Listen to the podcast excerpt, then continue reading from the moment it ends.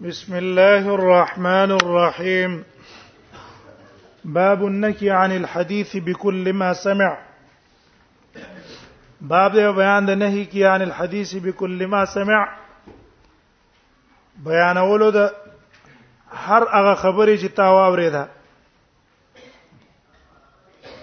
خبره ته اورې پاکه تحقیق نه کې او ټوله ته بیانې نو دا ناروا ده وجه دا دا وجه چې تا د چانه خبره واوریدله په دې کې به حق می په دې کې به باطل می او په دې خبره کې به څه رښتیاي څه بدروغي چې تو سره لګيږي او ټول بیانې ټول بیانې نو تم دا دروغ ته بیان کړه دا بیان کړه نو د دې بیانولو د وجنه سامع برا اولګي تا ته به نسبت د تکذیب بو کی او چې نسبت د تکذیب تا ته وکړو نو بیا با ستانم احتراز خلک کوي چې تسبق بشي دیو جن احتیاط بکه اوس دی وخت به کل ما سمع څه ده به کل سم ما سمع منتدا ده ته یو کتاب وکړو په دې کتاب کې هر قسم قصې دي واقع دي او ته تحقیق نه کوي چې دا واقع جوړه ده کنه ډیر کله ته کتاب قصه سره بیان کیسته په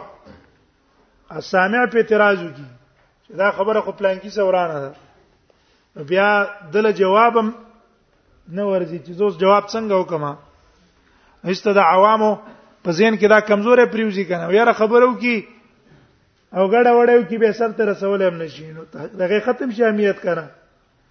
او جناغه خبره ته تلی شعر دا خبره ذکر کول په کار دي دانه دي کول په کار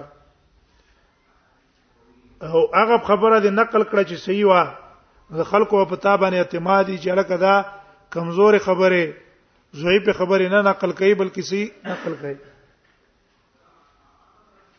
دیو جنا کفا بالمر کذبا کتاب داخل ده بلکې ته تحقیق کوا را دا خبره د بیانولو ده کنه ده دا به چاته بیان کم کنه که صحیح و بیان کا که ضعیف و ستې پرې ده وبه قال حدثنا عبيد الله ابن معاذ الانبري قال حدثنا ابي ها وحدثنا محمد بن المثنى قال حدثنا عبد الرحمن بن مهدي قال حدثنا شعبة عن عن خبيب بن عبد الرحمن عن حبس بن عاصم قال قال رسول الله صلى الله عليه وسلم دا حدیث مصنف په دوه سندونو ذکر کړه دې سند باندې د عبید الله ابن معاذ شعبه را لګیدره د خبيب ابن عبد الرحمن نه روایت نقل کړه ان حفص ابن عاصم هغه مرسل له لکه حفص ابن عاصم تابعی ده بوهريره په کنده ذکر کړه بیا دا لاندې روایت باندې بیا نقل کړه شعبه نقل کړي د خبيب ابن عبد الرحمن نه خبيب ابن عبد الرحمن نقل کړي د چانه حفص ابن عاصم نه عن ابي هريره عن النبي صلى الله عليه وسلم نو سراشه پاس روایت کې د شعبه شاګردان څوک دي عبدالرحمن ابن مهدی ده هغه چې روایت نقل کړي د شعبه نه مرسل او په دې لاندینی روایت کې د شعبه شاګرد علي ابن حفص علي ابن حسب حفظ ته دا روایت نقل کو د شعبانه متصل په ذکر د ابي هريره دغه سي امام ابو داوود رحمه الله دا حدیث په دواړو سندونو راوړی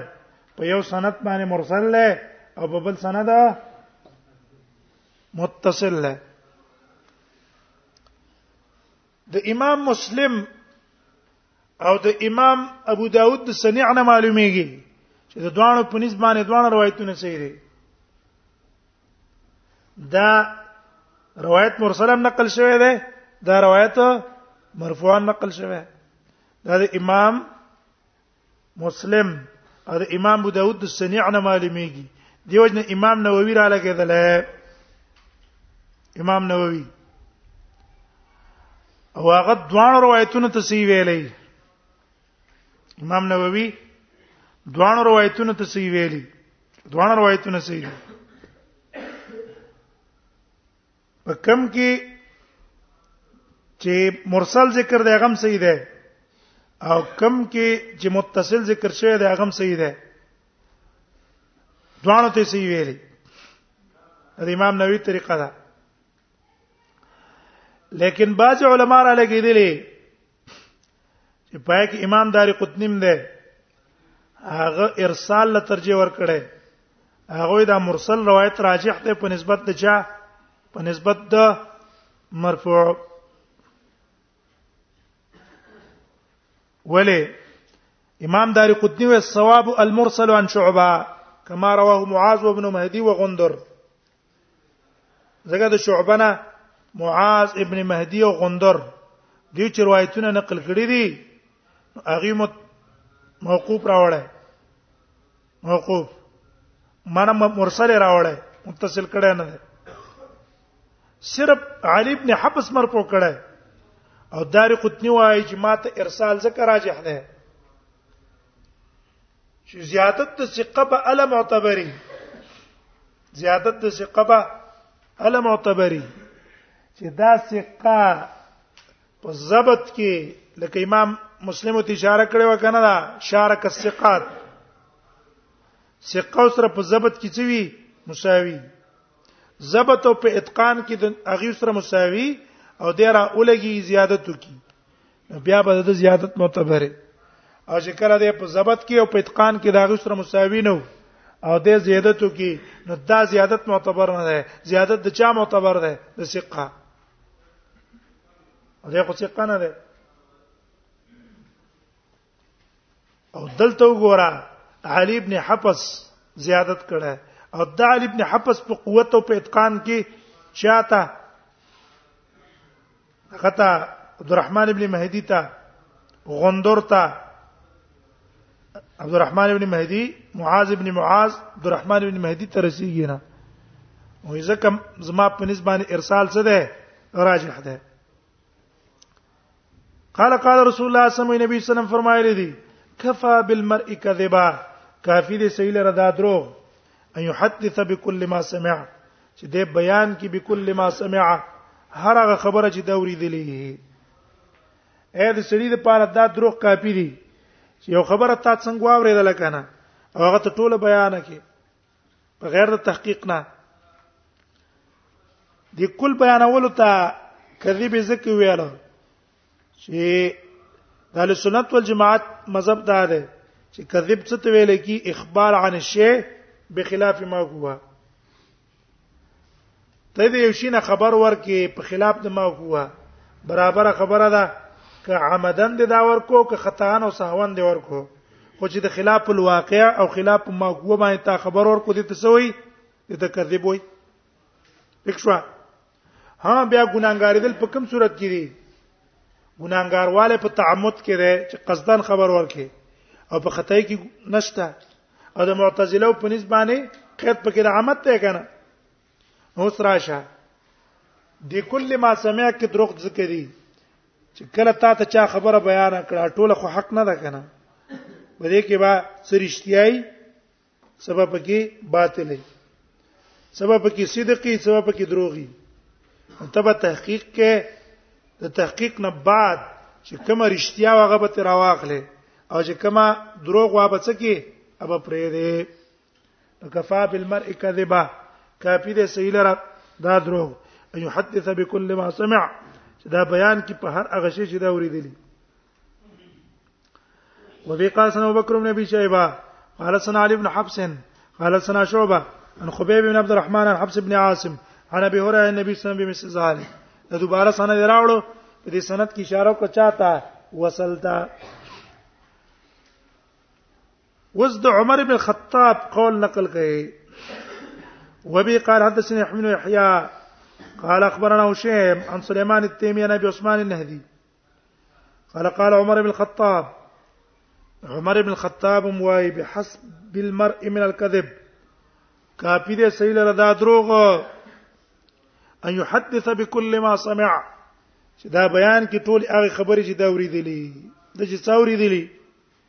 هغه ټول په ټوله بیان کی دا د سړي لپاره پوره دروغ دی او له پوره دروغ دی کاپی عمر ابن الخطاب ته اثر معنا ښکارا ده وبي قال حدثنا ابو الطاهر احمد بن عمرو بن عبد الله بن عمرو بن الصرح قال اخبرنا ابن وهب قال قال لي مالك عبد الله بن وهب امام مالك ويلا عبد الله بن وهب هم يوغت غټ محدث ته محدث وې ما ته امام مالک ویل اعلم فيشا انه ليس يسلم رجل شان دا دی له سيسلم رجلن نه پاتې کیږي یو سړی حدث بكل ما سمع چې بیان کی هغه خبره چې دا اوریدلې د څنا دا روغ نه پاتې کی د تنقید نه اے اره خبره چې په کتاب کې دی ولې ته نقل کې اره خبره چې تا واورې دا سم دواره بل ته نقل کې نو تا باندې بخامه خاط تنقید کیږي چې ګوره مړه به تحقیق خبره نقل کړي به تحقیق نبیا بستا خبر لڅو کې اعتبار سره ور کوي نه ستا خبره لبا سره اعتبار به سره ور کینا دیوج نبی کل ما سمع مکوا تا ته یو تن یو شان خبره راوړي بل بل تبل شان راوړي سره دا غي ذکر کوم تحقیق یو کا چې کومه ترشتیا معلومه شو هغه بیان کا او چې کومه ته رشتیا ته بیان نه شو هغه معلومه نه شو هغه پرې را نو که هر خبره ته نقل کول او تحقیق دې پکې نه کاو نو تبه د تنقید نه څنګه کېږي روغ باندې پات کی خامخه په تا باندې تنقید کیږي روغ نه پات کیږي ليس يسلم رجل حدث بكل ما سمع ولا يكون اماما ابدا او اس کله تبه امام نه ګرځي مقتدا اس کله دا سړی به اس کله د خلکو مقتدا نشي د خلکو معتمد بنه شي چې وهو يحدث بكل ما سمع او ده هر خبره چې اوري وبس هغه بیانای درس کې به تحقیق خبره بیانای بیان کې به تحقیق خبره بیانای عام مجمع کې به تحقیق خبره بیانای نو په دې خبره باندې سره مقتدا ګرځي نه ولی وجدار چې به تحقیق خبره معلومه ولی ستا خبره له بسوک دونه اعتبار نه ور کوي او کله چې تا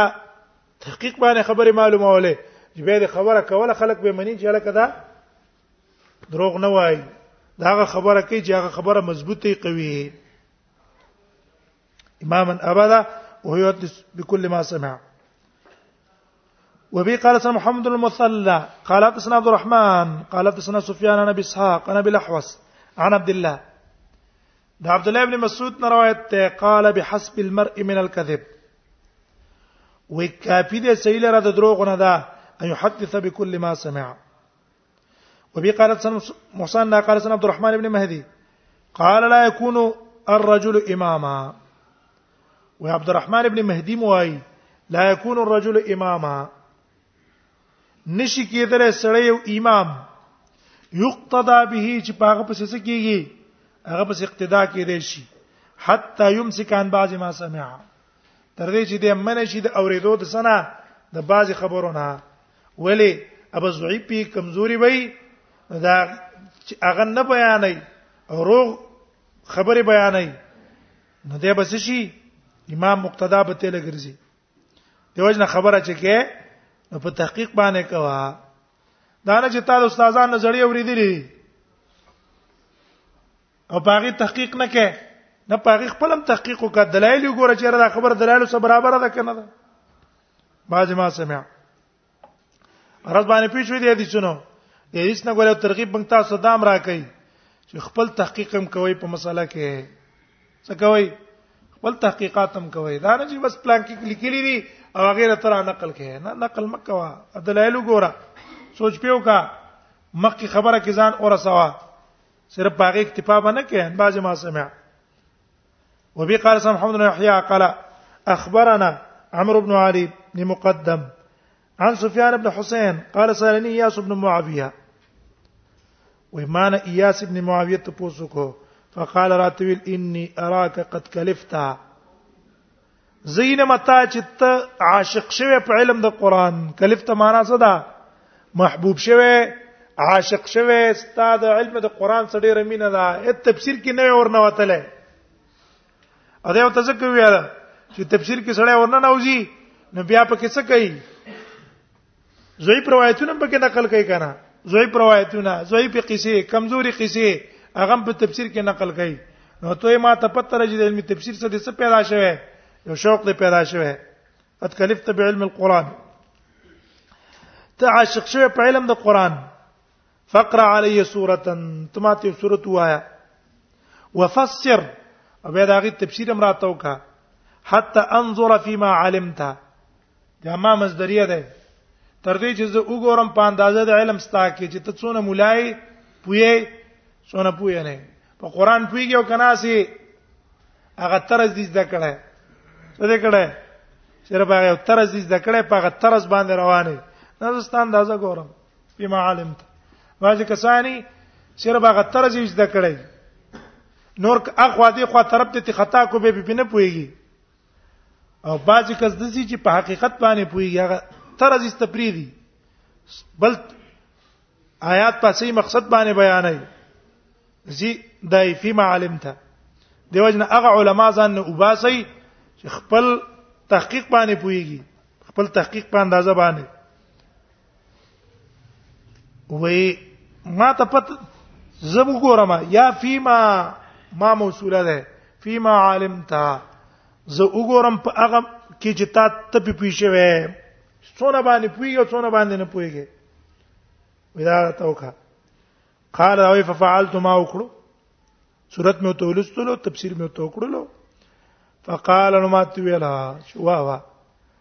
اوس ته یو نصیحت کوم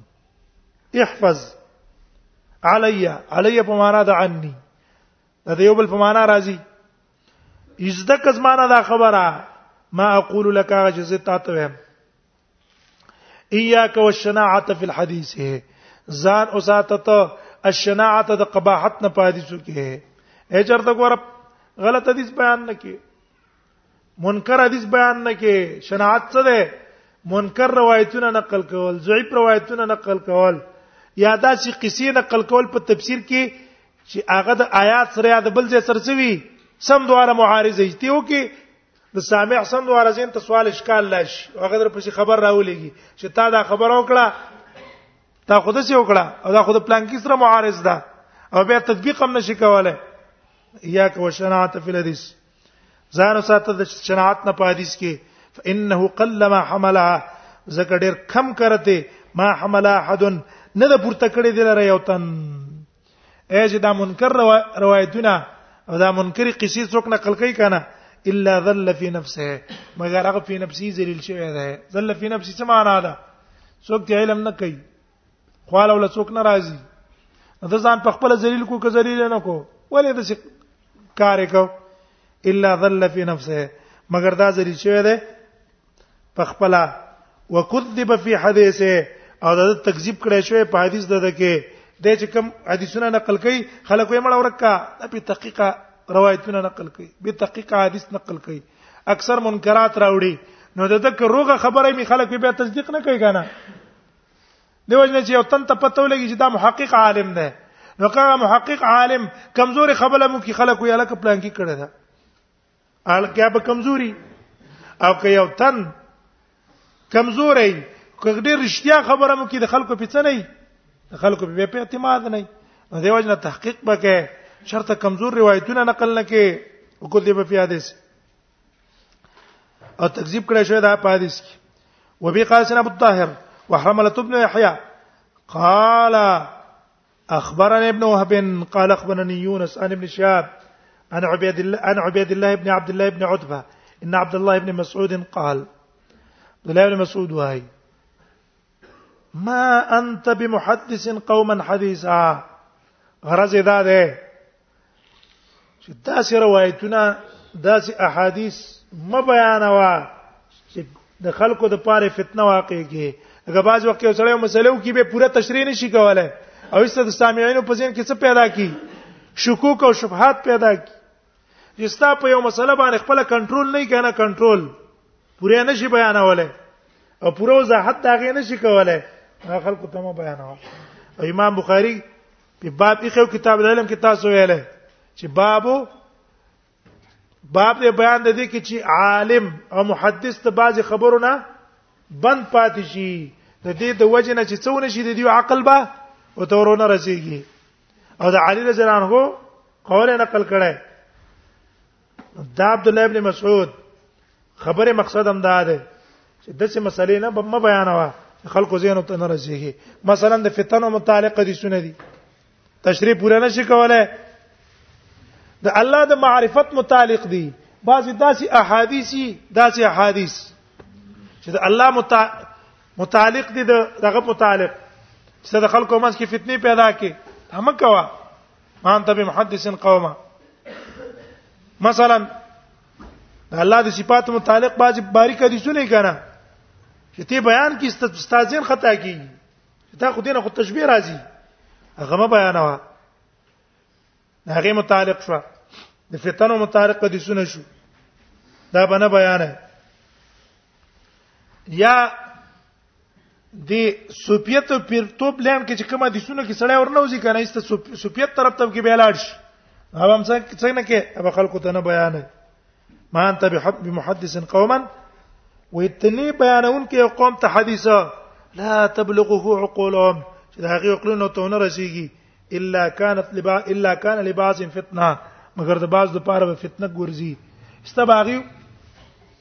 شک به پیدا شي دین په باره کې اسلام په باره کې شکونه به پیدا شي دیو جن د چې حدیثونه خلکو ته بیانوا